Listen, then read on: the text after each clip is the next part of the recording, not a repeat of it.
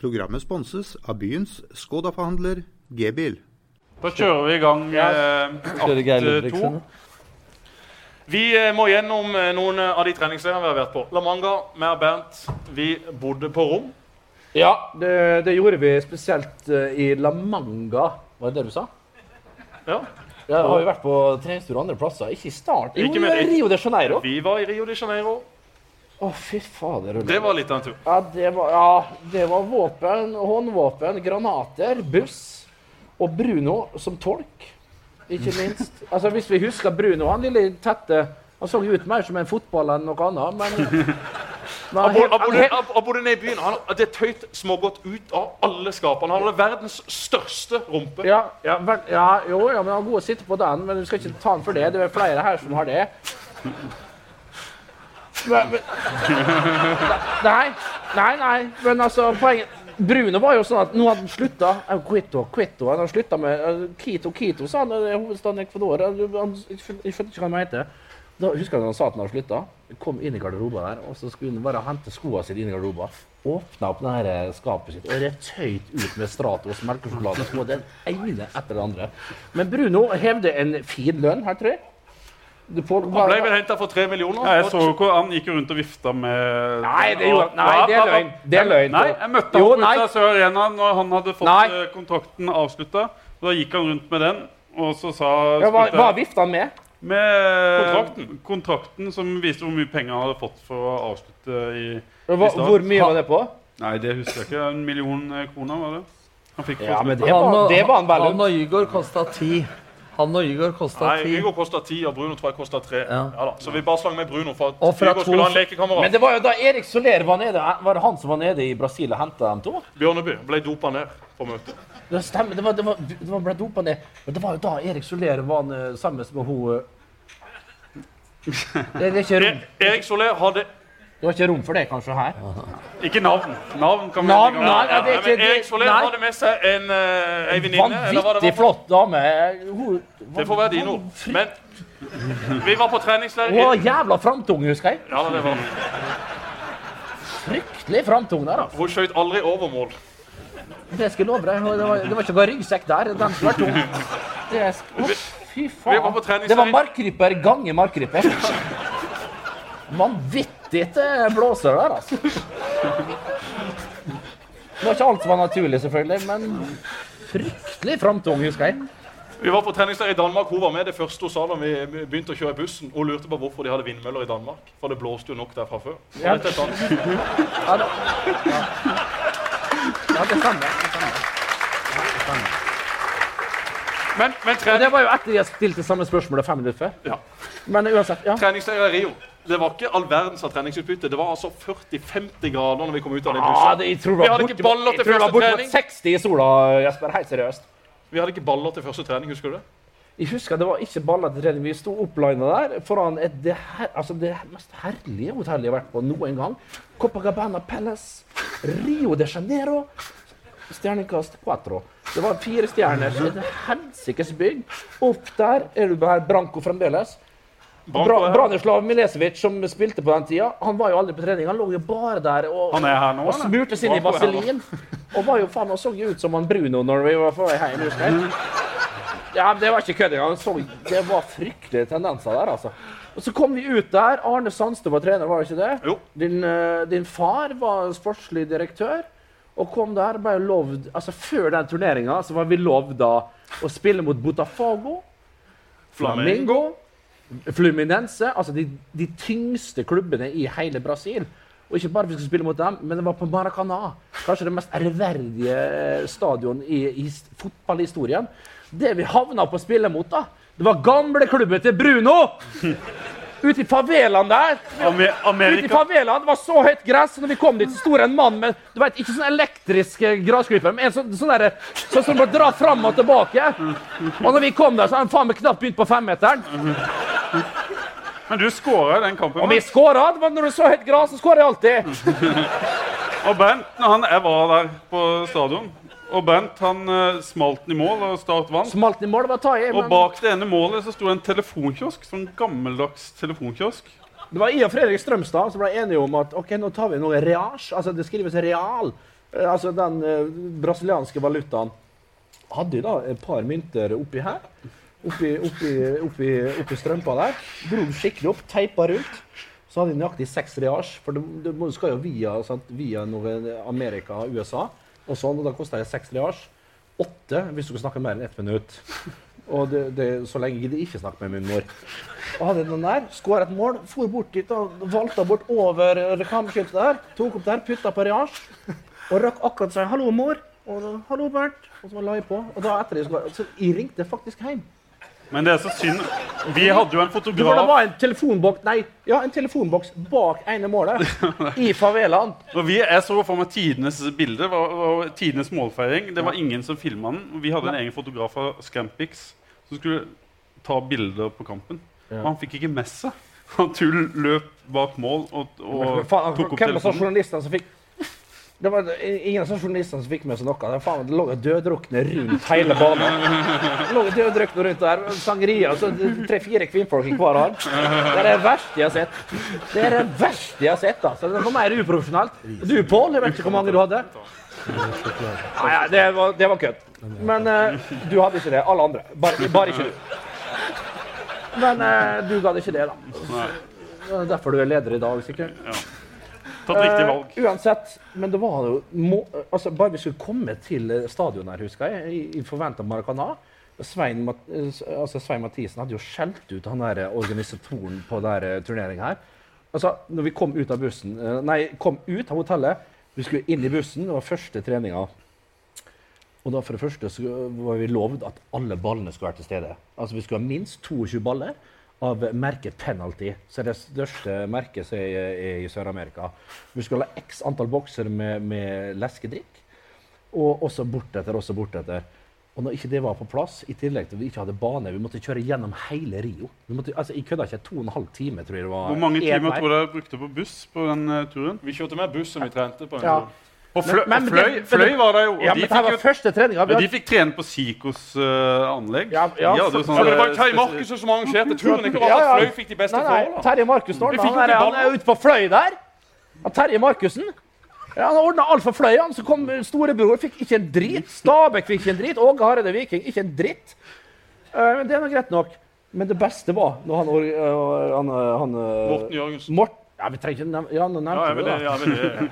Han, og så sto han Svein Mathisen sånn, og jeg bare satt i bussen og flira og skokklo. da. Så sto Svein Mathisen sto sånn og skjelte ut. Det var arrangøren. Ja, arrangøren, ja. Og da skjønte han at det gjorde noe galt. Så mer, og mer i han Svein, så var det sånn derre Ja, her er det ei palme. så sto han, sto han, så sto han Svein og skjelte ut, og han bare til slutt bare sto jeg, jeg, bare, bare så jeg bare las igjen god, leser jo godt på leppene. Ja, jeg veit hva du mener, Svein. Jeg så det, det er min feil. Så bare gjemte han seg bak der. Sto og pissa bak der. Han var, han var Det var det verste. Altså, han ble, fikk kjørt seg så jævlig, han Jørgensen der. Og det var fortjent. Flydd halve jorda rundt, og det eneste vi får, det er sånne, der- sånne skjellballer som vi kjøpte. Og trente på et jorde to og en halv time unna. Det er det, det, er det verste, men vi koste oss allikevel. da. Men, men, det, men det hadde ikke skjedd hvis Tom hadde vært trener. Nei. Vi hadde en gang en treningsleir på Marbella i Spania. Vi reiste jo alltid til La Manga, men når Soler var i klubben, så var det høy sigarføring, og da skulle vi ned til Puerto Banus og Marbella. Oi. Det hotellet vi kom til, det lå to-tre timer fra alle andre mennesker. Det var ikke en fotballbane i nærheten. Vi kjørte lenger enn vi gjorde i. Vi kjørte i tre timer for å finne en bane som lå i bunnen av et fjell. Vi parkerte på toppen av fjellet og måtte, gå 1000 Vi høydemeter ned for å finne det. Vi hadde med konen òg. Ja, det hadde vi òg. Men fortell litt om hva som skjedde når vi kom på det hotellet. Du var fly forbanna. Nei, jeg var fornøyd, for jeg hadde fått Men jeg var fly forbanna kom til Lamanger et år også. Trond Are Jone, sportslig koordinator nå i styret til Start. Vi kjørte inn bussen fra Alicante flyplassen, og så begynte det å hagle. Hvorfor i helvete snør det her?!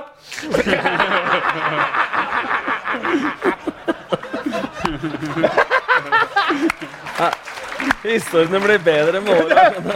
Men, men fortell om arbeid, for jeg fikk svær suite. Ja.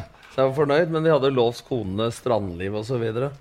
Så men du kan jo fortelle hvor vi var tolv timer etterpå. Ja, Tolv timer etter. Eh, vi kom her på morgenen, og på kvelden så lå vi på det flotteste hotellet på hele Marbella. Det var ikke fire stjerner, det var fem-seks. Da er, du, da er du nede i Puerto Banus? Da, da er vi der.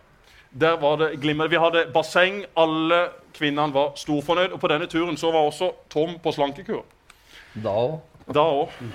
Og det var jo, altså, Hvis du er lav på blodsukker, det vet jeg selv, så, så går jo humøret litt deretter.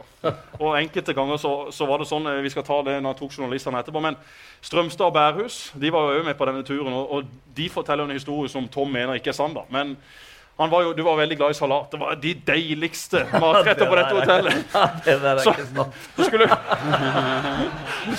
Jeg veit hva som kommer. så Tom, Tom gikk i matsalen. Kom tilbake med en tallerken som var nydelig dandert med salater og agurker og tomater og alt det sunne du kunne tenke deg.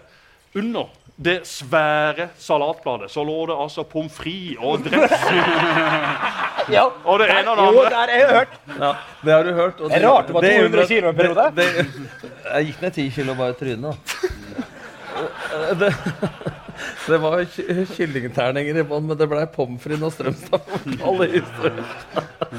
Men på samme treningsleir så husker jeg et bilde fra, om det var fra Feven. Det sitter altså Vi hadde ei trapp på det treningsområdet. Det var jo et av verdens flotteste treningsområder. Det, var, det lå 10-12 fantastiske gressbaner og et svært bygg i midten. Og I det bygget ned til banen så var det ei ganske brei trapp. Og det ene bildet i avisa så har Tom tatt for seg VG, NRK, Dagbladet, Feven og alle de andre avisene og journalister som var der. De satt i ei trapp, tolv stykk nedover i trappa. Det så ut som livredde høns.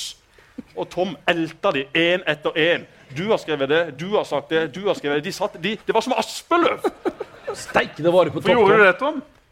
Ja, jeg husker at det var en sekvens, ja. Men Du husker bildet i avisa? ja, bildet så, Tom står nederst i trappa, og, og det sitter bare tolv journalister som er livredde det så ut som jeg var lærer på, for en førskole. Men det var- jeg forsvar- var på den. Ja, vi jo spillere, ikke sant? for dere fikk jo unødvendig tyn. da, Masse ljug. Bayal Sal kom jo, han sparka ned Alde, men han var jo kanskje den mest fantastiske spilleren som har vært i Start. Men det var jo synd at han hadde kontrakt med Sankt 1 samtidig. Men det var faktisk en sånn der borgermester på ei øy et eller annet sted i Afrika som dro inn passet til Bayal Sal. Eh, Og, og nekta familien Han kom, han kom hit og var med og trente Ja, han trente på hva heter det oppe i Vågsbygd? Karusbanen, ja. Og vi skulle teste hurtigheten på han, og Stefan Berlin så ut som at han bare beisa med tennene når han spurta. Så han var jo helt fantastisk. Men, Han skada vel fem spillere på første trening på Marbella. men så fikk vi Start eh, kompensasjon av Uefa, da. Men det var lenge etter du hadde reist. Ja, Det gikk til å å betale Tom. ja, det. Jeg får litt av det nå fram til jul, faktisk. Hvem var den beste, hvem var den beste signeringa di i Start, eh, Tom? Kai Risholt. Men signerte du så mange, da? Var, var, Nei, vi var brukte, ikke vi brukte på, på, ti, på ti spillere på tre år, så brukte vi 1,5 Det million. må jo ha vært Alex Valencia. Nei, han var gratis. Han, det Jo, men det er jo en Ja, men, signering. ja, men det, ja, men det betalte nesten penger for at vi skulle ta han. Altså. Men hvem, hvem, hvem fikk du mest ut av? Var han den du fikk mest ut av? Den klokeste spilleren jeg har trent, sånn eh, i forhold til lederegenskaper og fotball, det var Haaland. Atle Roar. Atle Roar Holland, eneste spilleren som aldri ble skjelt ut av Tom Nordli i start. Vi hadde en trening på Dønnestad. Husker du? Alf Inge Haaland. Ikke Alfinger, Atle Roar. Det er fetteren, dette. Nei, hva er det jeg sa? Atle Roar? Du sa Er, er Alfinger. de i slekt? Nei, jeg har ikke peiling. Sikkert langt Atle Roar, ja. Husker jeg var på, hva heter han kunstneren i byen? Per Fond? Ja, ja, for faen. Har han sånn der eh, galleriet sitt borti høyre her ennå? Husker vi hadde sånn eh, julefest der en eller annen gang. Og så husker jeg Atle Roar. Hva faen er Atle Roar? Han Jeg visste ikke liksom seg barndommen akkurat kom til klubben. Var liksom var på vei eh, ut og litt Ok, jeg vurderte om jeg skulle være og sånn, da. Atle Roar, liksom. Så, det var en av hovedgrunnene til at jeg ble, det var at Atle Roar sto Altså, jeg kødda ikke Atle Roar Haaland, altså. Eh, Jeg fant ut av det etter hvert. Altså, når det var fester, uansett hva det var, så sto han alltid liksom, Hvis du så ut av vinduet ut av, Atle Roar bare så ut vinduet, så sto Atle Roar alltid der. og tente på den ene røyken. Og, bruk, og brukte den neste til å tenne på. For en kjederøyker han var! Roar. Det er helt jo, men jeg tenkte, Han var jo så fotballklok. Han sto jo bare bak der og kontrollerte. Fantastisk fotballspill. Jo, men Du må ikke bli, bli skuffa nå. Du visste ikke det, du! Oi, han røyka med begge hendene, han! Han røyka med begge hendene. Han begynte etter jeg slutta. Han, nei, nei, han, å nei, herregud, det var du som fikk han til å røyke, Tom. Det var du som fikk ja, Det er helt utrolig, han. Altså. Men eh, for en fantastisk type. Så rolig, Sindi Er vel litt lenger ned i dalen. Er det Lyngdal han er fra? Kvinesdal. Kvinesdal Ja, det er Du, jo he- du henta rett og slett Atle Roar Haaland fra MK eh, mellom eh, Fantastisk spiller. opprykket og 2005-sesongen. Og Det skal du ha. rett inn som eh, kaptein. Jeg var jo litt gal på, jeg var litt gal på den tida, for jeg husker jeg trente Sørlandshallen, og så da hadde Start tapt tre ganger mot MK sesongen før. Så trente vi Sørlandshallen, så trente MK etter oss. Fytti katta var det en som ropte her nå. Jeg trente etter oss, og jeg tror de hadde alle regnbuens farger på treningsdressa. Så ut som et bedriftslag, og de trente med oransje vinterballer inne i Sørlandshallen. Leggbeskyttere utapå le- Ja. Så, så jeg sa vel noe sånn at hvis vi taper én gang mot dem, så drar, drar jeg hjem. Altså Det var på det, det nivået der. Men Atle Roa var jo faktisk tidligere karriere som spiss i Vålerenga, men fikk jo en hjernerystelse og la egentlig opp og begynte igjen i manneskapet. Reiste til USA, vel? Ja. Sånn at eh, vi, vi brukte 1,5 million på ti spillere på de tre åra. Og Ygor kosta aleine 10 millioner når, når vi dro. Så vi var ganske heldige og dyktige med å spille, finne folk til riktige roller. Da. Og de, det var faktisk eh, I stallen Esper i 2004 så var det 18 sørlendinger A22. Eh, I 2005 så var det 15 sørlendinger i stallen A22. Og Det er 11 lov å klappe, da. Og hvis det er elleve bil, av- så Ja, for Jeg fått høre at jeg er for dårlig med lokale unge spillere. Vi var det yngste laget som tok medalje, og det var elleve av spillere hadde spilt juniorfotball i start. Jeg sier ikke at det må være sånn, men det er litt av grunnen til i stedet for å være litt seriøs, at det, er mulig. For det finnes talenter. Og vi var jo så dårlig økonomisk stilt den gangen etter Fines Credit at du var nødt til å satse på de. Men når jeg leser nå at nå må vi satse på noe av de bare unge du, du står ikke i tippeligaen med, med det heller, altså. Så det må ikke være det viktigste hvor de er født, men du må bruke folk når de er gode nok. Og til Jesper og Morten Hestad og foreldra deres masa, og Kai Hestad masa og på Morten osv. Og det Vi er klart Vi har en, fra- en fra Marbella der òg. Det var en fin leir. Vi ble, vi ble intervjua av VG, eh, og hvor vi da sa noe sånn som at hvis ikke vi får spille, så går vi til en annen klubb. og når du våkna, alltid på, våkna på morgenen, Hvis du hadde ti ubesvarte anrop fra 90 99 000 før halv ni da visste du at Det er nummeret har Tom fremdeles. ja, da visste du at da sto Takk skal du ha, da sto det noe i avisa som ikke Tom likte. Kalte inn til møte, alle spillerne. Og meg og Morten. altså vi, jeg jeg. vi, vi fikk ikke skryt på det møtet. Og Kai, Kai Hestad måtte beklage seg så for Morten og Doffen i etterkant, for han hadde sagt noe i den artikkelen som ikke var bra. Men du har ennå ikke svar på hvem som var den beste signeringa di. Jeg tror det var Atle Roar, sånn sett utenfra. I forhold til hva han betydde for klubben både når jeg var der og etterpå. Han ble vel landslagsspiller Ja, Han spilte én landskamp, og det, det er litt sånn råd. Han hadde operert for Gilmors Skroen, en lyskeskade, og han ville dra med Åge Hareide og spille landskamp. Og jeg sa ikke dra, for du, du har ikke trent, og da får én landskamp, og da får du ikke flere. Så Atle Roar, alle, til og med eksperter på TV, drev og prata sånn som du er nå. Drev, og jeg drev og prata om at han var så sein, og vi alle veit jo at han var ekstremt hurtig. Men han hadde Borgersen ved siden av seg, da, som drepte alt av dueller, og så sopa han opp. Så det Så du, den, Men den, den, vi må bare ta den Fossås-fyren ja, her. Eh, Marius Johnsen, som du har sagt at eh, eh, kanskje han kan være din assistenttrener ved en uh, senere anledning. Du hadde Bård Borgersen, du hadde Atle Roar Haaland.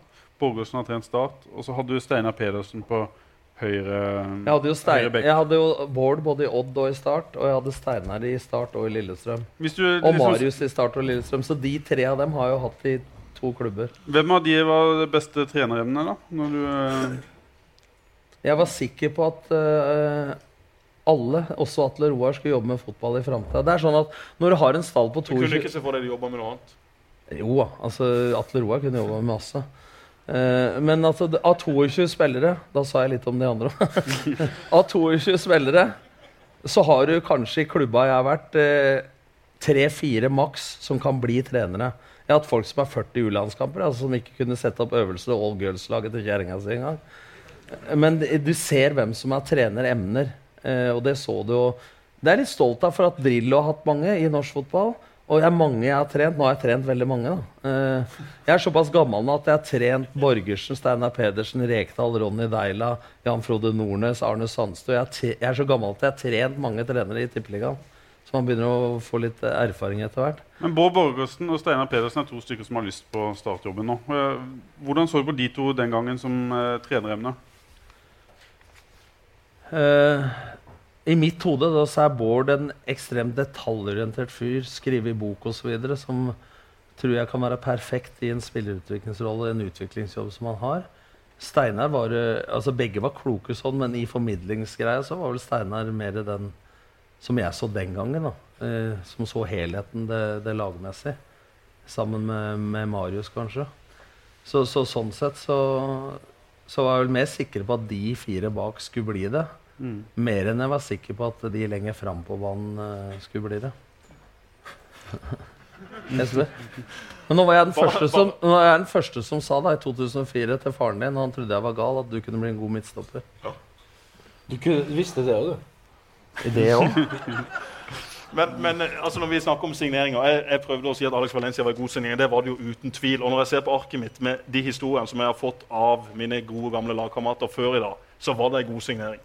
Alex Valencia han var veldig glad i å skryte. Han er bergenser. Han er erkebergenser. Ah, Hvis det. var noen som uh, hadde, hadde kjørt i 150, så hadde han kjørt i 180. Han påsto en gang at han bodde lengst opp på Jerneseia. Det tar normalt 20 minutter å kjøre til Kjevik. Han hadde kjørt der på 8 minutter, og han hadde, hatt, han hadde aldri vært under 70 km i timen. Og hvis dere vet av denne, denne su- eh, 180-graderssvingen med Albert Matsenter da, da ble han spurt om hva han gjorde der. Ja, Der brekka han bare i hele den svingen.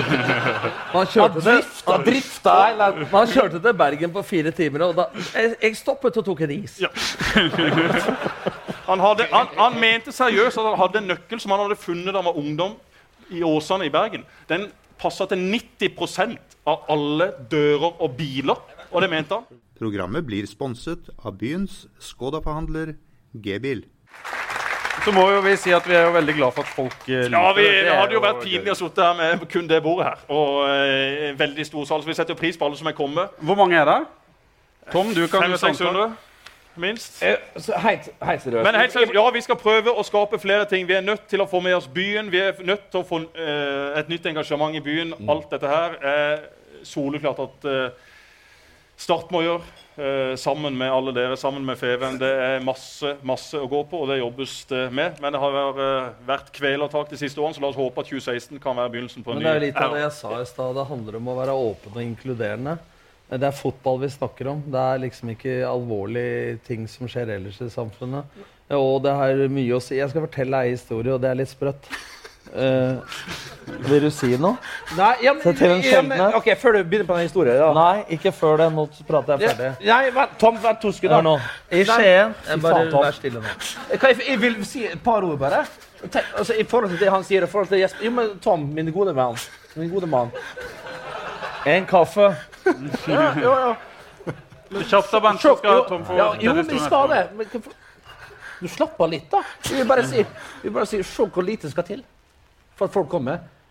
Altså, Er det fotballinteresse i denne byen? her? Se på hva som kommer her. for å høre på oss døgenikta noksakta opp på scenen her. Det er jo helt fantastisk. Jeg syns vi skal gi applaus til faen meg folk som kom her i dag. Det vil si at uh, her lever det. Sorry, Tom. Jeg ville bare si det. Pass. Nei, Tom. Nei, Jeg husker ikke hva jeg skulle si. Nå er du sur. Hva er faen er du sur for, da? Hva er du sur for? Jeg skulle bare kunne ikke få lov å gi kred til publikum. På glasuren, da. Hæ? Nei, men vi må, vi må, vi må, vi må, vi må gjøre oss Hva ferdig. er det med det, egentlig? Jeg mener seriøst. Ja, det jeg sier, De to hadde ikke gått sammen i en garderobe. Hva er det? Se, meg i øynene, iallfall ikke stå og blinke dit bort. Jeg husker ikke hva jeg skulle si. Nei, vi må- er faen vi- meg best for alle. Nei, jeg bare kødda.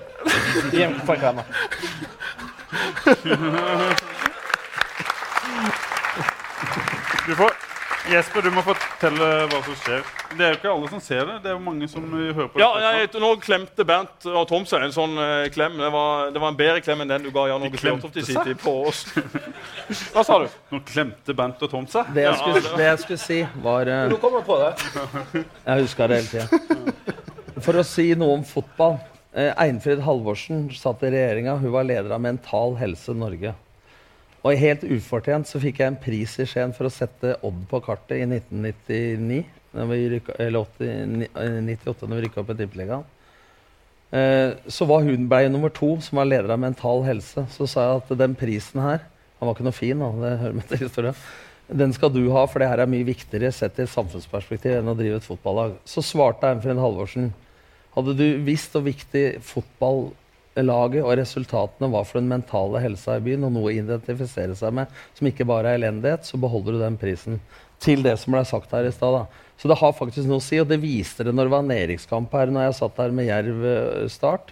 Og det viser i dag at det, det er ikke noe problem med fotballinteressen i Kristiansand. Den ligger latent der. Hva skal til for å bringe den fram? Det var 8000 tilskuere i snitt i Obos-ligaen i 2004 når vi rykka opp. Det var 10 880 tilskuere i snitt på Kristiansand stadion. En falleferdig stadion, men det var stemningen her. Eh, så det er klart at det er mulig. Det ligger latent. Hva skal man gjøre? Ja, resultatene er én ting. Åpenhet, inkluderende tiltak som dette, som siste taler her sa. Eh, At Start byr på seg sjøl, ikke hemmeligholder noe som helst hva de holder på med. Det er ikke krigen i Irak, det er fotball. Det forteller litt om laguttak. Bør ikke gå ut med personalsaker. Men hva er feil med å by på seg sjøl i forhold til de tinga der? Uh, ja, eh, vi er avhengig av fedrelandsvennen. Avhengig av fe Men det er avhengig av fedrelandsvennen, ja. Men at det er klart det finnes ei grense. Arild Sandvik og jeg hadde jo en historie, vi òg. Jeg måtte jo true med at han skulle dekke skiorientering en stund når han jugde for mye. Men vi blei venner. Men det er bedre at det er litt fighter. Det er fighter på lunsjbordet osv.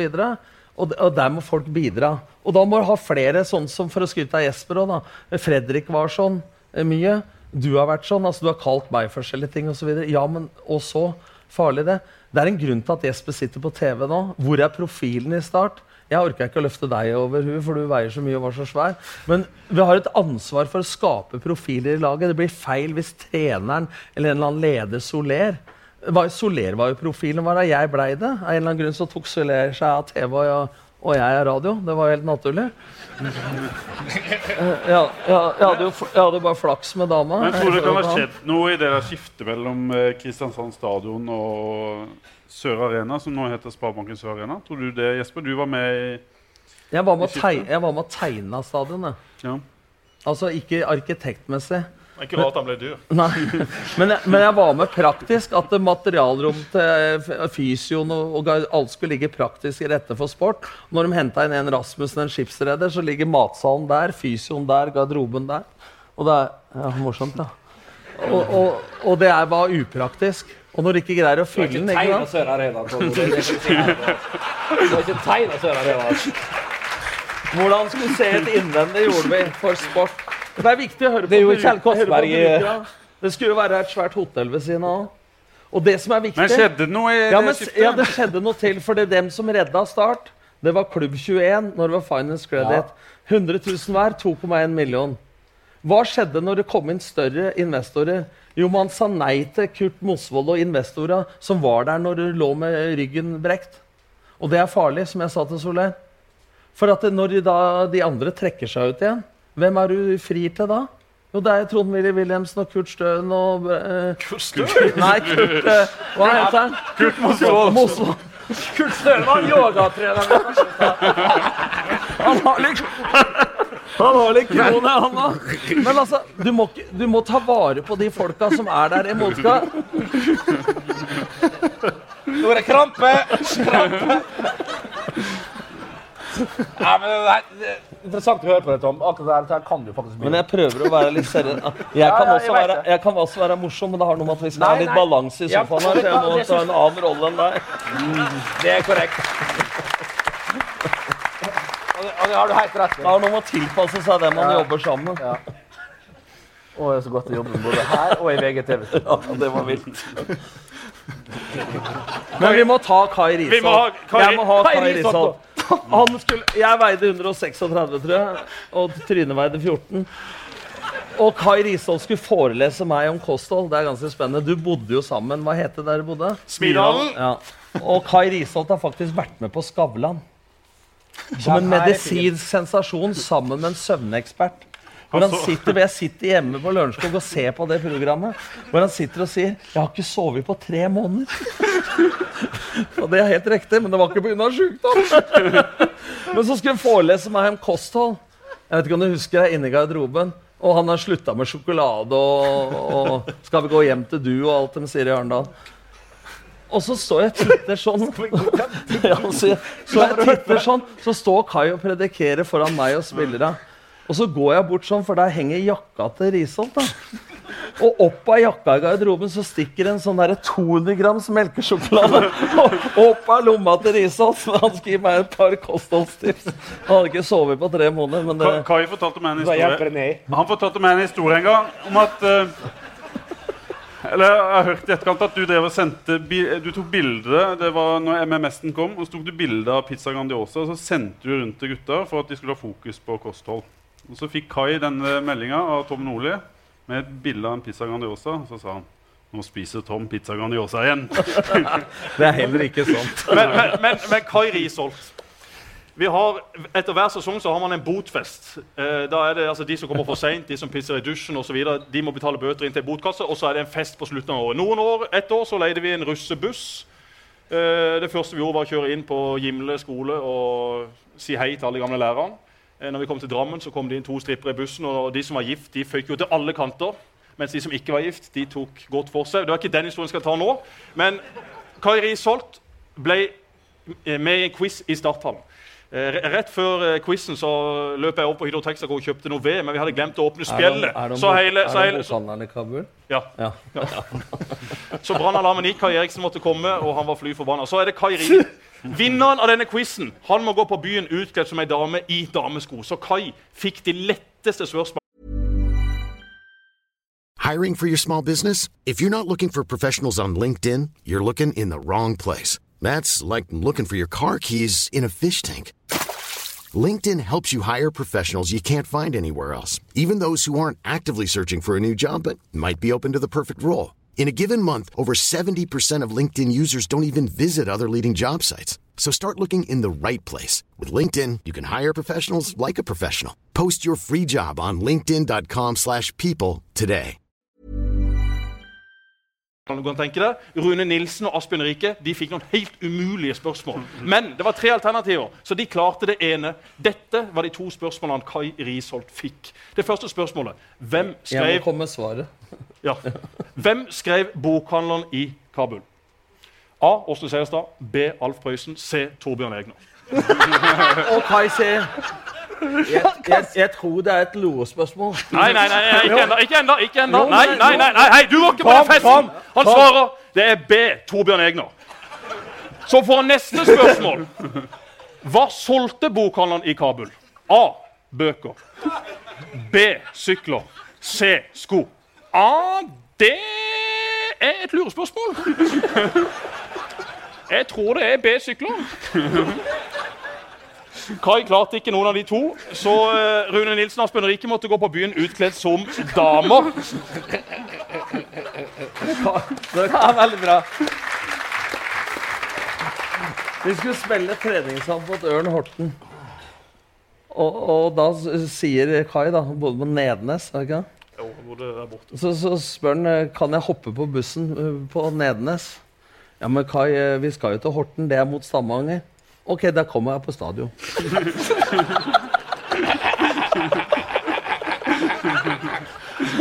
Kai, skulle også, han hadde, han hadde lært seg å lage bearnéssaus. Fått eh, noen gode tips av noen av gutta i garderoben som var gode til å lage mat. Så uh, han, uh, Jeg tror faktisk det var Strømstad som forklarte hvordan han skulle gjøre det. Uh, Kai gikk på butikken og kjøpte en sånn familiepakke med bearnéssaus. Der er det jo fire sånne med pulver i. Kai kom tilbake dagen etter. Faen, Fredrik, altså, det ble jo bare en deig. Han kjørte opp i alle fire. Og det var ikke rart ikke det ble saus. Og han hadde, altså, Kai Risholt spilte på Østlandet eh, før han spilte i eh, Eik Tønsberg. André Jørgensen, som er en veldig god håndballspiller, spilte i Runar. De to var gode kompiser. Og de hadde ikke vaskemaskin hjemme. eh, men de hadde, altså, de, de hadde hver sin bil, og så hadde de eh, tatt eh, passasjersetet så langt bak som mulig. Så hadde de bare svær skittentøyskurv. Der heiv de alltid skittentøyskurver, og så kjørte de hjem til Arendal for å vaske dette tøyet. En gang så ble Kai sin bil stjålet, og da hadde han alt tøyet var skittent. Så han kom altså på trening bare i noen filler. Det var alt han hadde igjen. Bilen var borte, tøyet var borte. Ikke ett eneste plagg igjen. Alt var hjemme, eller alt var på vei hjem til vask. Kai Risholt var en stor legende. Han har også uttrykket når du kjefter på ham på trening, Han var ikke den som løp mest. Og dette er hans sitat. Jeg snakker med så jeg skulle hilse og si det. Alle de som stjeler dette sitatet, det er Kai Risholt sitt. I stedet for å løpe, så sier han ja, ja, Tom. Det er bedre å stå riktig enn å løpe feil.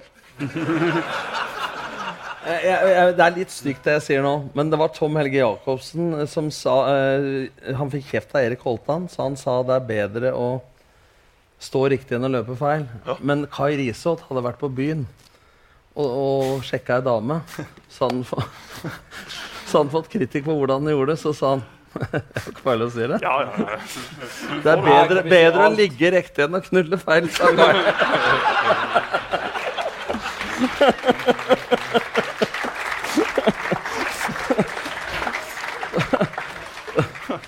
Bernt, vi må, vi må litt innom eh, Bernt sin tid i Start. Ja, Hvor- hvor ja, lenge var du her? Hvor lenge var du her? Nei, altså, jeg vet ikke om jeg nevnte det tidligere. Jeg kom i, i øh, øh, Altfor lenge. Ja, det kan du si. Det kan du si. Var du her i to år? Uh, Nei. To og et halvt? Ja, det tror jeg er nærmere sannheten. Du hadde fire trenere, er det riktig? Uh, ja, Stig Inge Bjørneby henta meg her i august 2007. Og så tror jeg han fikk svenske? Unnskyld? Så kom det en svenske? Ja, og så kom Benny Lennartson eh, bare en måned eller to etterpå. Og, og jeg mener den dag i dag Det var kun jeg som likte han som trener, egentlig. Det var kun jeg som uh, syntes han var OK. Jeg synes rest, Resten av uh, spillergruppa husker jeg, med Rune Nilsen, Rune Rekkevidde, han likte han ikke. Men du var en av få spillere han kanskje kunne navnet på? Det hadde... Ja, det kan være det, men han ville ha meg til Viking en tid òg. Og så kunne han jo fotball, først og fremst. Eh, Men det var så enkelt å forholde, det var så enkelt å forholde seg til Ja, ja, jo, jo, men det må jeg få lov å si, eh, Tom, når du sitter her og klukker bak- hjørnet her. Men det var, det var så enkelt og greit eh, i garderoben med, med, med Benny. Han kom der inn så, med, med rødvin og, og gorgonzola rundt hele kjeften. Og kom gående inn i garderoben. Den jævla capsen gikk av og på. Og sveisen gikk jo sånn som det her, da. Begynner å ligne sjøl, forresten. Og da var liksom eneste sa før hver, før hver kamp og sa Gubbar, gubbar. Og så så han alltid på Christian, nei, på Kristoffer Paulsen. I dag Kristoffer Paulsen Vasshaug. Så så han alltid djupt inn i øynene på Kristoffer Paulsen Vadshaug, som hadde hatt en litt sånn svak sesong da, og spilte venstreback, en plass han ikke var helt eh, dus med. Og heller ikke bekledd eh, med, med hell, da. Men han har, det, det kan de si noe, for han fikk jo en strålende karriere etterpå, når han gikk til Molde og ble skolert i en alder av eh, ja, mange år. Eh, Så var han alltid så han bare sto der sånn. Så han alltid på han opp med capsen. Gul gubbe til gul gubbe, Kristoffer. Jo, jo, men altså, så enkelt og greit. Altså, spill ballen til en annen mann med samme drakt. Altså, det var det, altså, så, altså, da tenkte vi for, for, Jeg ble, jeg, ble, jeg ble fascinert. Mens resten skjønte liksom Fy faen, er vi så dårlige? Er vi så dårlige at det er det vi trenger å høre? liksom? Mens jeg, jeg sto der med stjerner i øynene. Fy faen, Benny, du er genial! Du er genial, Benny! Og det er liksom Ja. Og det var Og jeg ble liksom faen Og jeg tenker på det. Fotball er ikke verre enn det. Snakket med Benny, snakket med Benny. Så jeg spilte jo så jævla fint under han. Skåret et par mål. Hadde det jævla fint under han. Så måtte han forsvinne. Eh, for da, skulle, da, skulle han tilbake, nei, da skulle han tilbake til atelieret, atelieret sitt i Paris og male ja, mest sannsynlig rødvin. Og, og spytta jo bare på, på, på paletten, han. Og malte det jævlig Jeg har sett noe av kunsten til Benny sånn. Det får du for 300 kroner på eBay. Og så kom vel godeste Var det Arne Sandstø som kom etter det? En, en, en, en Ja. Og da trodde jeg liksom Han gjorde en god forsesong og skåret to mål i første kamp. Og da var det selvfølgelig det var jeg litt nedpå den eh, påfølgende treningsuken. Selvfølgelig. Da hadde jeg jo skåra to mål og regnet med at ok, borte mot Hønefoss. Da skal jeg skåre tre og fire mål. Nei, da var jeg ute av laget, da. Ute av laget da hadde han funnet ut at jeg liksom ikke Han var opptatt av hva du gjorde på trening. ja, mens jeg var mest eh, opptatt av at de skulle liksom være restituert og være fit neste uke. For det, det hadde jeg lest på internett at det gjorde de store stjernene. da. Og da trodde jeg at jeg var det så- samme sjøl. Spilte jeg Dekkoligaen i Norge, liksom. Eh, Så på hodet og ræva ut av laget. Espen Olsen kom inn og skåret matchvinnermål. Og da, etter det så var det jo det greit nok. Arne Sandstøy hadde en god greie. Nå snakker jeg litt mye om det sjøl, kanskje, men det får være greit. Så var det vel noe strid med Arne Sandstø. Arne Sandstø trivdes vel ikke i Kristiansand? Jo, han gjorde det, men så var han vel litt i clinch med Hvem var det? Var det din far? Ja, det var Jan Ove Skisland var vel. Det var, det Jan Ove Skinstad. Skistad, Skistad. Pre men altså, presten vi snakker om her. En eh, skikkelig, skikkelig god gutt. Men det var vel litt, det var litt Det, det var noen uttalelser i avisa og noe som Ja, ikke likte, og så røyk det. Ja, og Arne. Men altså, Snakk om Arne, da. Vi har jo hatt han i VG jobba litt for VGTV der. Og vi har hatt han eh, ja, det kan, Bare som en litt sånn gå utafor. En digresjon, som det heter kanskje. Er det det, Pål? Eh, så hadde vi han Arne Sandstø i VGTV her eh, en stund. Og så plutselig så hørte vi ikke hva mer med han. Altså, liksom, kommer du i studio, liksom, så måtte vi legge igjen svarer og etter svarer etter svaret. Og fikk faen ikke svar med Arne Sandstø. Og så plutselig sitter vi der, da, og så venter vi ok, faen, vi får ringe Rekdal. da, Er det, er det noe annet søppel som får komme inn? Og da liksom kommer Reka liksom Ja, ja, faen, Sandstø, liksom, hva er han? Og så sitter vi her, vi kan ha på Premier League. Og plutselig så står han faen, sitter i TV 2-studio da, uten å ha sagt fra. Så han har signert en sånn bamsekontrakt med TV 2 uten å si fra til oss. da. Så skjelte han jo ut på, på liven der. Jeg fikk en sånn melding tilbake. Takk for alt, Bernt Hulsker. Det eneste jeg fikk. Den dag i dag snakka ikke med Arne Sandstø. Snakka mann. Du skal ikke ha- Men du sa vi Men neste trener, det var Neste trener Sorry, Tom, det var ikke du. T- Neste trener var da Knut. Knut Tørum, uh, som tok over der. Hadde en strålende Jeg Skal jeg sitte her og prate om det sjøl?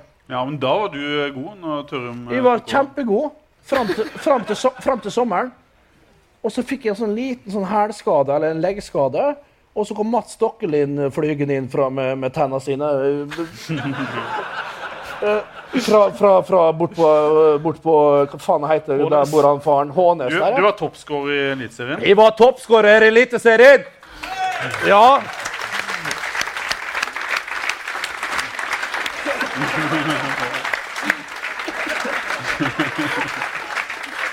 Jeg vil ikke bukke på radio. Jeg husker jeg, tok, eh, jeg husker jeg gjorde en avtale med Jeg husker det er radio. Det er radio. Jeg, jeg lagde en svær Men sak, svær men- sak på Bernt Hulsker. Ja, men ok, ja, det var ikke storprestasjon. Det var fram til juni. Jeg tok Og da hadde jeg en liten skade på uh, Pål, nå Ja, jeg skal bare si en ting. Du, du var toppskårer i Eliteserien, og vi lagde en svær sak på deg i. Helt berettiga. jeg tok deg med opp på eh, Taket der høydflyvende. sk- høytflyvende. Kaledonien, var det det? Husker du det? Fins det høyere bygg? Ja, Høyeste bygg i Kristiansand. Hvor jeg lagde sak på at Ja, var høy, ja, jo, ja. Eh, ja da. En Det dårlig var sak. greit nok, det. Men, men så kom Mats inn, og så, og så slutta han faen ikke å skåre, vet du. Så, satt så satt jeg på benken der med tre fliser. Den flisa heier fremdeles litt oppi her. Jeg har fått tvilling etter den omtrent. Og, og, og, så fikk jo Mats øh, gjorde en suveren jobb. Vi kom aldri inn igjen der. Det var synd. Og det, det, skal jeg si være helt, helt ærlig her.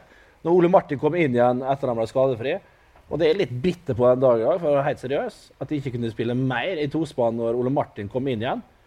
Og han er en kyniker. Geir Ludvig Fevang var en kyniker.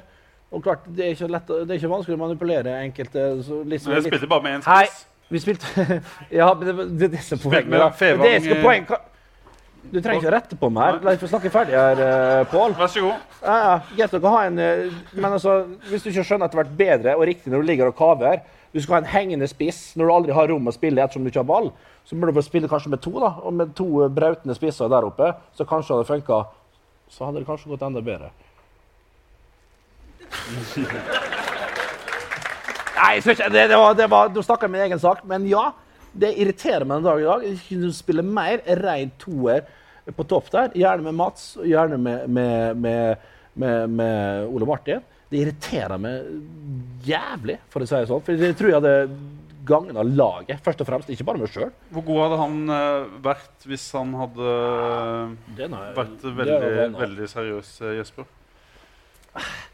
Han hadde, altså, når, når han kom til Start, så var han fit. Da var han god. Eh, så god kunne han selvfølgelig vært hele tida. Men eh, det finnes jo andre ting i livet enn fotball også. Og eh, Angrer du på det, Bernt? At du ikke eh, tok Nei. mer vare på Nei, nei, men, nei, men altså, du virker som at jeg har vært den helvetes eh, idioten hele tida. Det har ikke vært. Eh, jeg hadde mine prioriteringer. Eh, det var ikke så mye verre enn alle andre, men jeg la ikke skjul på det. Folk har alltid lagd dekkoperasjoner og brukt med og putta med framfor. Og så kanskje ikke vært snill nok med meg sjøl. Kanskje ikke vært snill nok med meg sjøl og gitt F. da. Og håpet at folk hadde litt mer oppi hodet og skjønte hva som faktisk lå bak.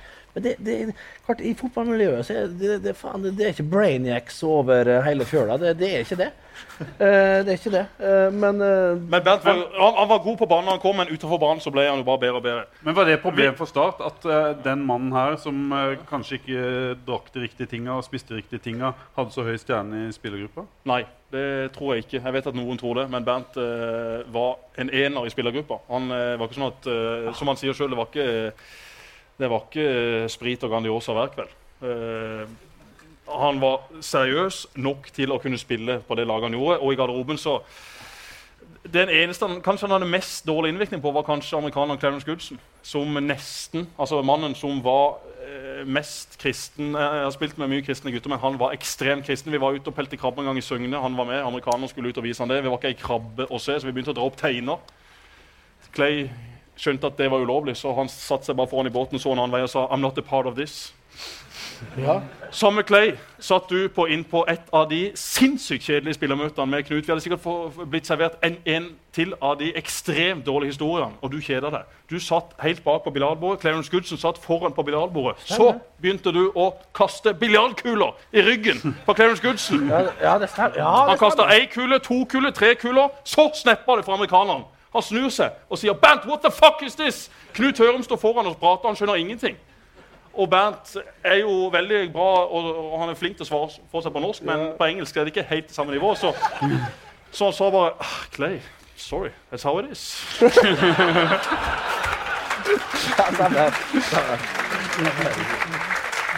Ja. Men Clarence Goodson, altså. For, for, en, for spilleren var. Og bare i kraft av å ha den personligheten. Så det sier vel litt om uh, image og hvor mye det har å si. Eh, jeg, har sett jeg ser mange norske spillere i dag, og det kan, tror jeg Tom kan eh, være helt enig med meg i. Eh, Mange norske spillere i dag som spiller i ulike plasser. Mix Diskerud f.eks., er en veldig god fotballspiller som jeg kjenner veldig godt, er veldig flink. Men er flink, har en far som er helt utrolig til liksom peiling på hvordan han skal brukes, hvordan han skal reklameres, hvordan han skal frontes, ikke minst. Og hvor mye image har å si på hvor, hvor langt du kan komme. Det har utrolig mye å si. Og der var jeg helt håpløs med meg sjøl, men jeg var bønn dønn ærlig, da. Og bare litt, ja, litt kort, kanskje. Men det, men det Bernt sier her, det kan du se på spillersida på trenersida. Noen bygger nettverk. Eh, Jeg kjenner folk jeg har jobba sammen med, som fjerna hele sin vennekrets og gikk på Litteraturhuset i Oslo og sa til Knut Nesbø 'presenter meg for de'. Det var Ari og Märtha. Jeg tror Bernt og jeg er litt like, at eh, du kan bygge ditt nettverk, og det lønner seg. Eller så kan du velge å være sammen med de som gir deg energi, som du har lyst til å være sammen med. Eller så kan du velge å være sammen med de som det lønner seg å være sammen med. Og både Bernt og jeg kunne jo spilt korta litt smartere i forhold til det, men jeg lever jævla godt med det også. så ikke være sammen om bare for at det skal lønne seg karrieremessig. Eh, men da kanskje ha noen rundt deg da, som gir deg de, de råda. Gjerne ha noen å holde rundt òg. Ja, det var deilig. Nei, men det, det, det, det å spille med, med spillere som Bernt, med David Nilsen, Alex Valencia, Kai Risholt okay, det, De kunne vært sikkert veldig mye bedre hvis de hadde hatt, vært 100% men gud så mye gøy. Gud så mye gøy. Man har det, derfor vi sitter her i dag, for å snakke om den ene historien etter den andre. David Nilsen kom til byen. Han skulle ha seg et sted å bo. Han gikk inn til arbeidssenteret og sa jeg skal ha det dyreste stedet dere har. Han betalte 75 000 for ei han, han bodde på halve Flekkerøya. Han, han leide den råeste hytta på Flekkerøya. Vi var rett ut og hadde lagfest. Alex Valencia, som alltid skryter, som alltid kan alt. Jeg har kjørt båt i Bergen. Han begynte å rygge. Han skjønte ikke at når du tar rattet denne veien, så er ikke det som en bil. Så han rygga rett opp på land. En, bil, en båt med 150 hester, motoren spratt i været. Der var den ødelagt. Det er 150 Du betaler 1000 kroner per hest. Det vil si 150 000 til helvete. Ja, Altså, jeg har jo bodd her i og nede òg. Men- Stemmer det? Er det 1000 kroner per hest? Det stemmer. Takk skal du ha. Ja, Men jeg begynner å ane litt hvorfor ikke resultatet har vært topp de siste åra. jeg ser konturene av noe greier. Men, men når du sier det, så det er ikke alle spillere heller. Altså, jeg var læreren til Jon Carew på skolen. Og alle sier at hvis han hadde satsa Han var jo, han har tross alt lykkes i Italia, Tyrkia, eh, Spania, England osv. Eh, han sier rett ut til meg at eh, hadde han skulle levd det livet, eller som Myggen sa, da, som alle andre Det er ikke alle det passer for. Så tror jeg ikke han hadde prestert eh, på det nivået. Beste treneren jeg har hatt, uh, var Eggen. Den nest beste var Martin O'Neill. Han fikk fri mandag, tirsdag, onsdag, trente torsdag, fredag og spilte på lørdag. Men det er ikke alle det passer for. Så du, du må på en måte som i arbeidsplasser ellers komme litt under huden på folk. Hvem er den nervøse, innadvendte, utadvendte? Hva slags type behandling trenger du? Og hvis du støper alle inn i ei form og sier at sånn skal det være Det er vel noe jeg har lært mest de ti siste åra i forhold til lederrollen. At du ikke bare kan Dette passer for alle. Eh, ikke treningsmengde heller. Så selv i lagidrett eller på arbeidsplassen så handler det om å eh, Det er noe av det vanskeligste med hele yrket. Ja, men det er det som gjør det morsomt også. Som, å prøve å få det maks ut av folk, enten det er som lærer eller som, som trener eller hva. Og så, og så kommer under huden. Men jeg tror ikke du gjør det på vanlige medarbeidersamtaler. For mange bedrifter har medarbeidersamtaler, og så er det ingenting før det er julebord. Og i det første så sier Altså, det er ingen som har vært uenig med meg enda en medarbeidersalte utenom Berit Riise, da. To måneder etterpå. Men jeg tror de fleste har en skjult agenda i jobbintervju og alt, og i medarbeidersalte og sier det som sjefen vil høre. Så den derre uformer... Men jeg tror ikke det er mange som tenker at du har vært litt sånn uh, motsatt. da At uh, Hvis noen snakker mot deg, så Ja, men det, er, det, er, det kan være det tabloide og mediebildet. Jeg tror I de næringslivsjobbene jeg har hatt, også har jeg vært samtalepartneren. Jeg kan For jeg du vil, ikke- ha det, du vil ha det rett i Ja, men jeg, vil ikke ha, jeg har ikke tid til kollokviegrupper når det er kamp. Og alle har det bra, Jesper, og så Men, er men Tom, for å spørre en ting, er det lett å skjønne at du er den typen? da? Nei. For det har jo hvordan du er i kamp, og hvordan media velger. Og det jeg er, på godt og vondt, det er 5% av deg. Men eh, Eggen også var en jævel noen gang. Hadde evnen til å legge armen rundt folk. Og jeg tror at jeg er den typen. Altså, I forhold til å så finne ut av hvordan Asbjørn Rike var kontra Fredrik Strømstad osv. Jeg tror du gjør det på de uformelle medarbeidersamtalene i kantina, i dusjen, som vi hadde, da. Eh, videre. Mer Mer enn eh, Det var salen. Ja. Mer enn de der eh, for jeg tror vi har en skjult agenda, sier det folk vil høre. Så jeg tror som leder, hvis du greier å åpne opp den og forstå folk utafor akkurat de timene du jobber, så har du større sjanse til å få maks ut av folk. Om du er typen som Bernt, om du er Asbjørn Rike, om du er Jesper, eller hva trenger man? Det, Men, vi på Tom, du har jo hatt eh, en haug med klubber der skjært seg. Hvorfor skjærer det seg? Hvorfor, Ja, hvem- hvorfor, hvorfor har du det- vært så Der er det noe av greia, altså hvorfor Ja. det blir skapt det inntrykket. Ja. For du sier at det har skjært seg. Hvor er det har skjært seg? Seg her? Ja, det, det, det, ja visst, sølv og opprykk og sånn er, er å Ja, skjære seg. skjærer seg til slutt, da, at det skjer et eller annet som gjør at du ikke har fem-seks år Ja, det var jo til og med folk her når jeg fikk tilbud av Rosenborg høsten 2005. Og det veit kanskje ikke salen. Jeg sa ja, tok folk i hånda for å trene Rosenborg i 2006. Så gikk det ei uke, så trakk han Per Joar Hansen seg. Og Soler hadde aldri Høgmo på, allerede på plass i Start, for han ville ikke at jeg skulle snakke med dem. For jeg ble ikke enig med Start om ny kontrakt, for de skulle sette meg ned i lønn. Det var til og med folk her som mente at Doffen, Fredrik og jeg fikk for mye PR i forhold til enkelte ledere. Fordi misunnelse er større enn kjønnsdrifta. Men det skjedde jo noe. Hva skjedde? Ja, det skjer sånne ting. At folk syns du tar for stor plass osv. For alle skal få, som Kristian Valen sier. Det handler om å, å Ja, skal du bli best? Det kjedeligste jeg har vært med på, er å bli nummer sju eller få tre snett på gymnaset. For det akkurat bra nok til at mutter'n, fatter'n og læreren ikke blir forbanna. Det blir støy hvis du er i toppen, og det blir støy sånn som i år hvis du er i bånn. Det står på Wikipedia at jeg har hatt mye motgang. Et nedrykk med Vålerenga. Og når jeg vant cupfinalen med Lillestrøm, så sa han Arild Myklebø, sjefen i Kanarifansen, at dette er det nest beste du har gjort, Nordli. Ja, var det bedre å ta sølv med Start? Nei, det beste du har gjort, var å rykke ned med Vålerenga, sånn. så det går, an, det går an å snu det meste til noe positivt. Men, hvor vil du, og hvor eh, skal du nå, Tom, eh, i fotballen? Vi får se til mandag hva jeg gjør. Eh, Jeg skal i hvert fall ikke Skjer det noe mandag, Tom? Ja, men, men, Konkret? Ja, men hallo! Skjer det noe konkret mandag? ja jeg tror det.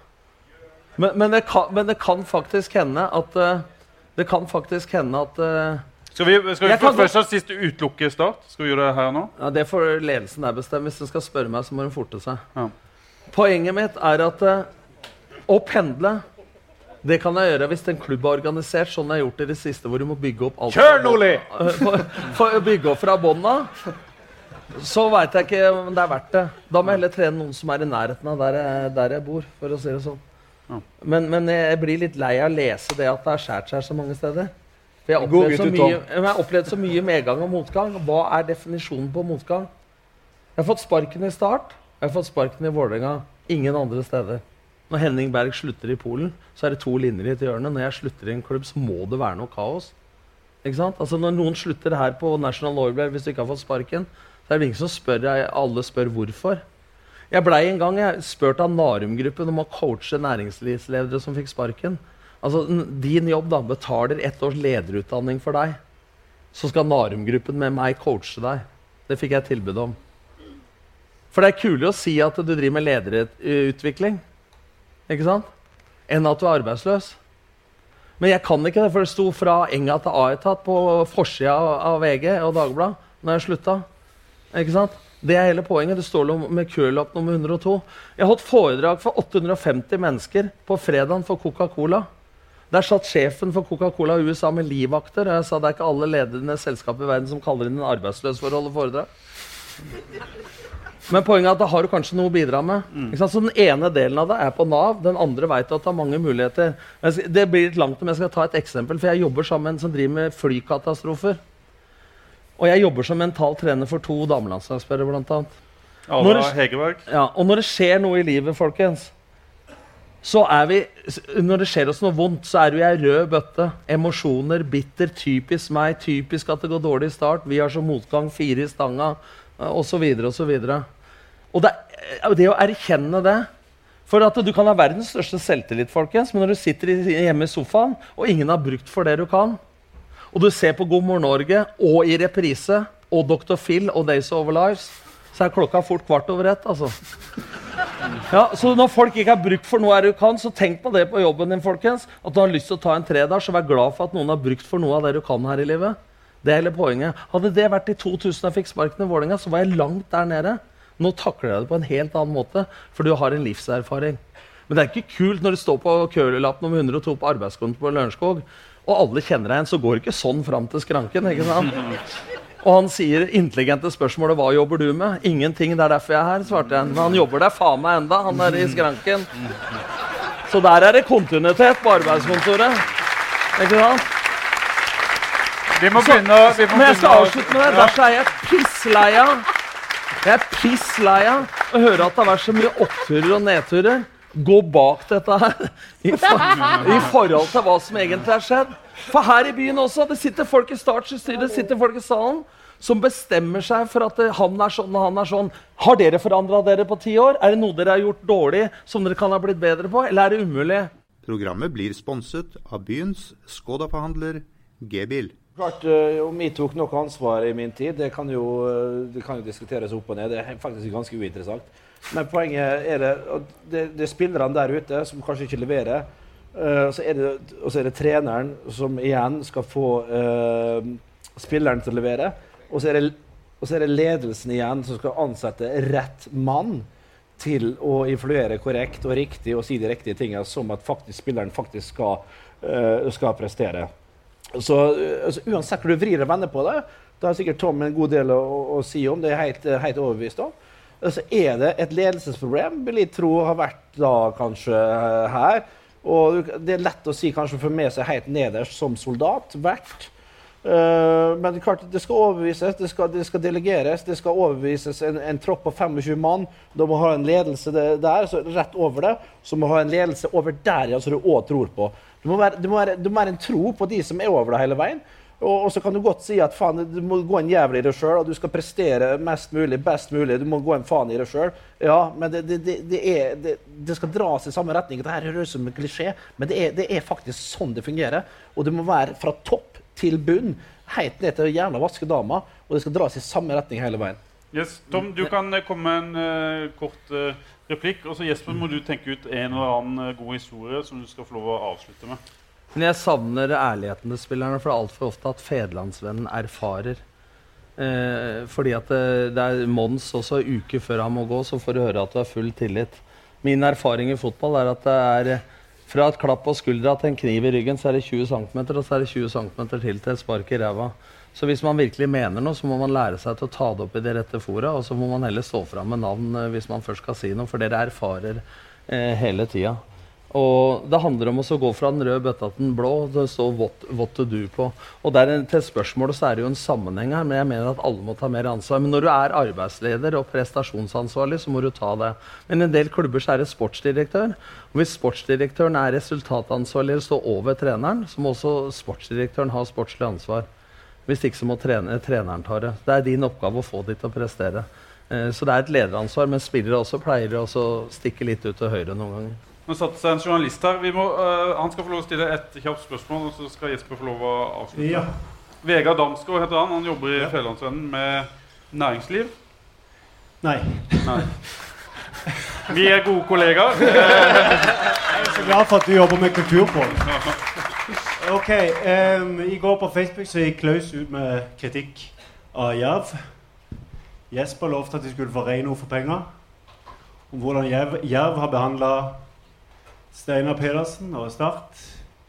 Og det er vel det ca. 97% her inne lurer på.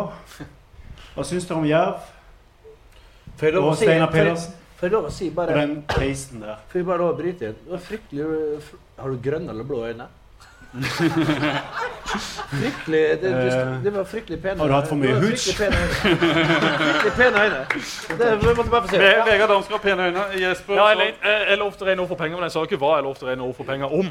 Men uh, det med, med Steinar, det, det, er, det er vanskelig å si noe om. Og uh, Jerv har vi et godt forhold til.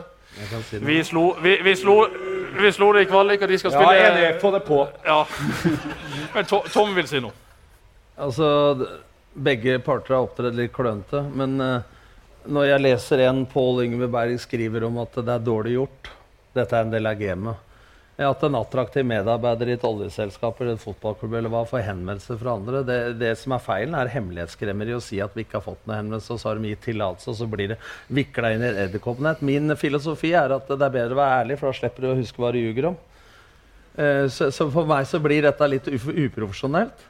Men jeg syns også Start kunne vært tydelig bare på sagt at eh, det er han vi vil ha. Og så må man møtes og prøve å, å løse det her. Og så sier man også at eh, vi vil ikke ha en trener som ikke vil være her, og så plutselig er han her likevel. Altså, det blir bare kokos. Tror du Steinar blir sta- Altså, jeg, jeg tenkte i går at det kanskje at dette var et forhandlingsutspill, at det til syvende og sist eh, eh, løser seg. Men eh, de få interne beskjedene jeg har fått i dag, som ikke er fra Jesper, så går det på at faktisk at man har lagt lokk på det, og så, og, så se videre. Så, så det vet jeg faktisk ikke. Tror du. Bent, som Nei, sitter jeg tror Steinar Pedersen ikke kommer til å starte nå. Jeg tror det kommer ei god løsning. Jeg har gode formeninger og gode Ja. Jeg tror det kommer en Jeg vet det kommer en bra mann til Kristiansand. Og han er bare backer 110% for uansett av hvem det blir, av dem jeg vet kommer til å bli, så blir det en, blir en kanonsignering. Uh, jo, det, bare ta det med ro, alle som sitter i salen som følger med Start. Start eh, 2016, det er bare å følge med på. Det, Er blir, du er del av dette spillet som nå legger det må press- blir som press på Jerv? saftblander, men det blir bra. Det kan jeg garantere. Jeg tror, jeg tror Steinar Pedersen blir starttrener, så kan jeg si det. Jesper, vil du avslutte med en historie? Du, Jeg tror vi har brukt opp de fleste historiene. Jeg vil bare ja. takke Tom og Bernt for at de kom ned her i dag. Det har vært en fornøyelse. Vi er venner, altså. Dere er gode venner. Kan vi få gitt de to gutta en stor applaus?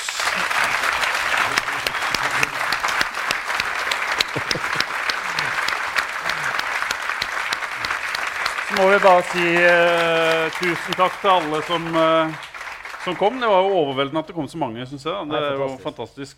Og når det kommer så mange for å høre på oss, da var det mulig å fylle stadion, altså. Takk for oss. Programmet ble sponset av byens Skoda-forhandler G-bil.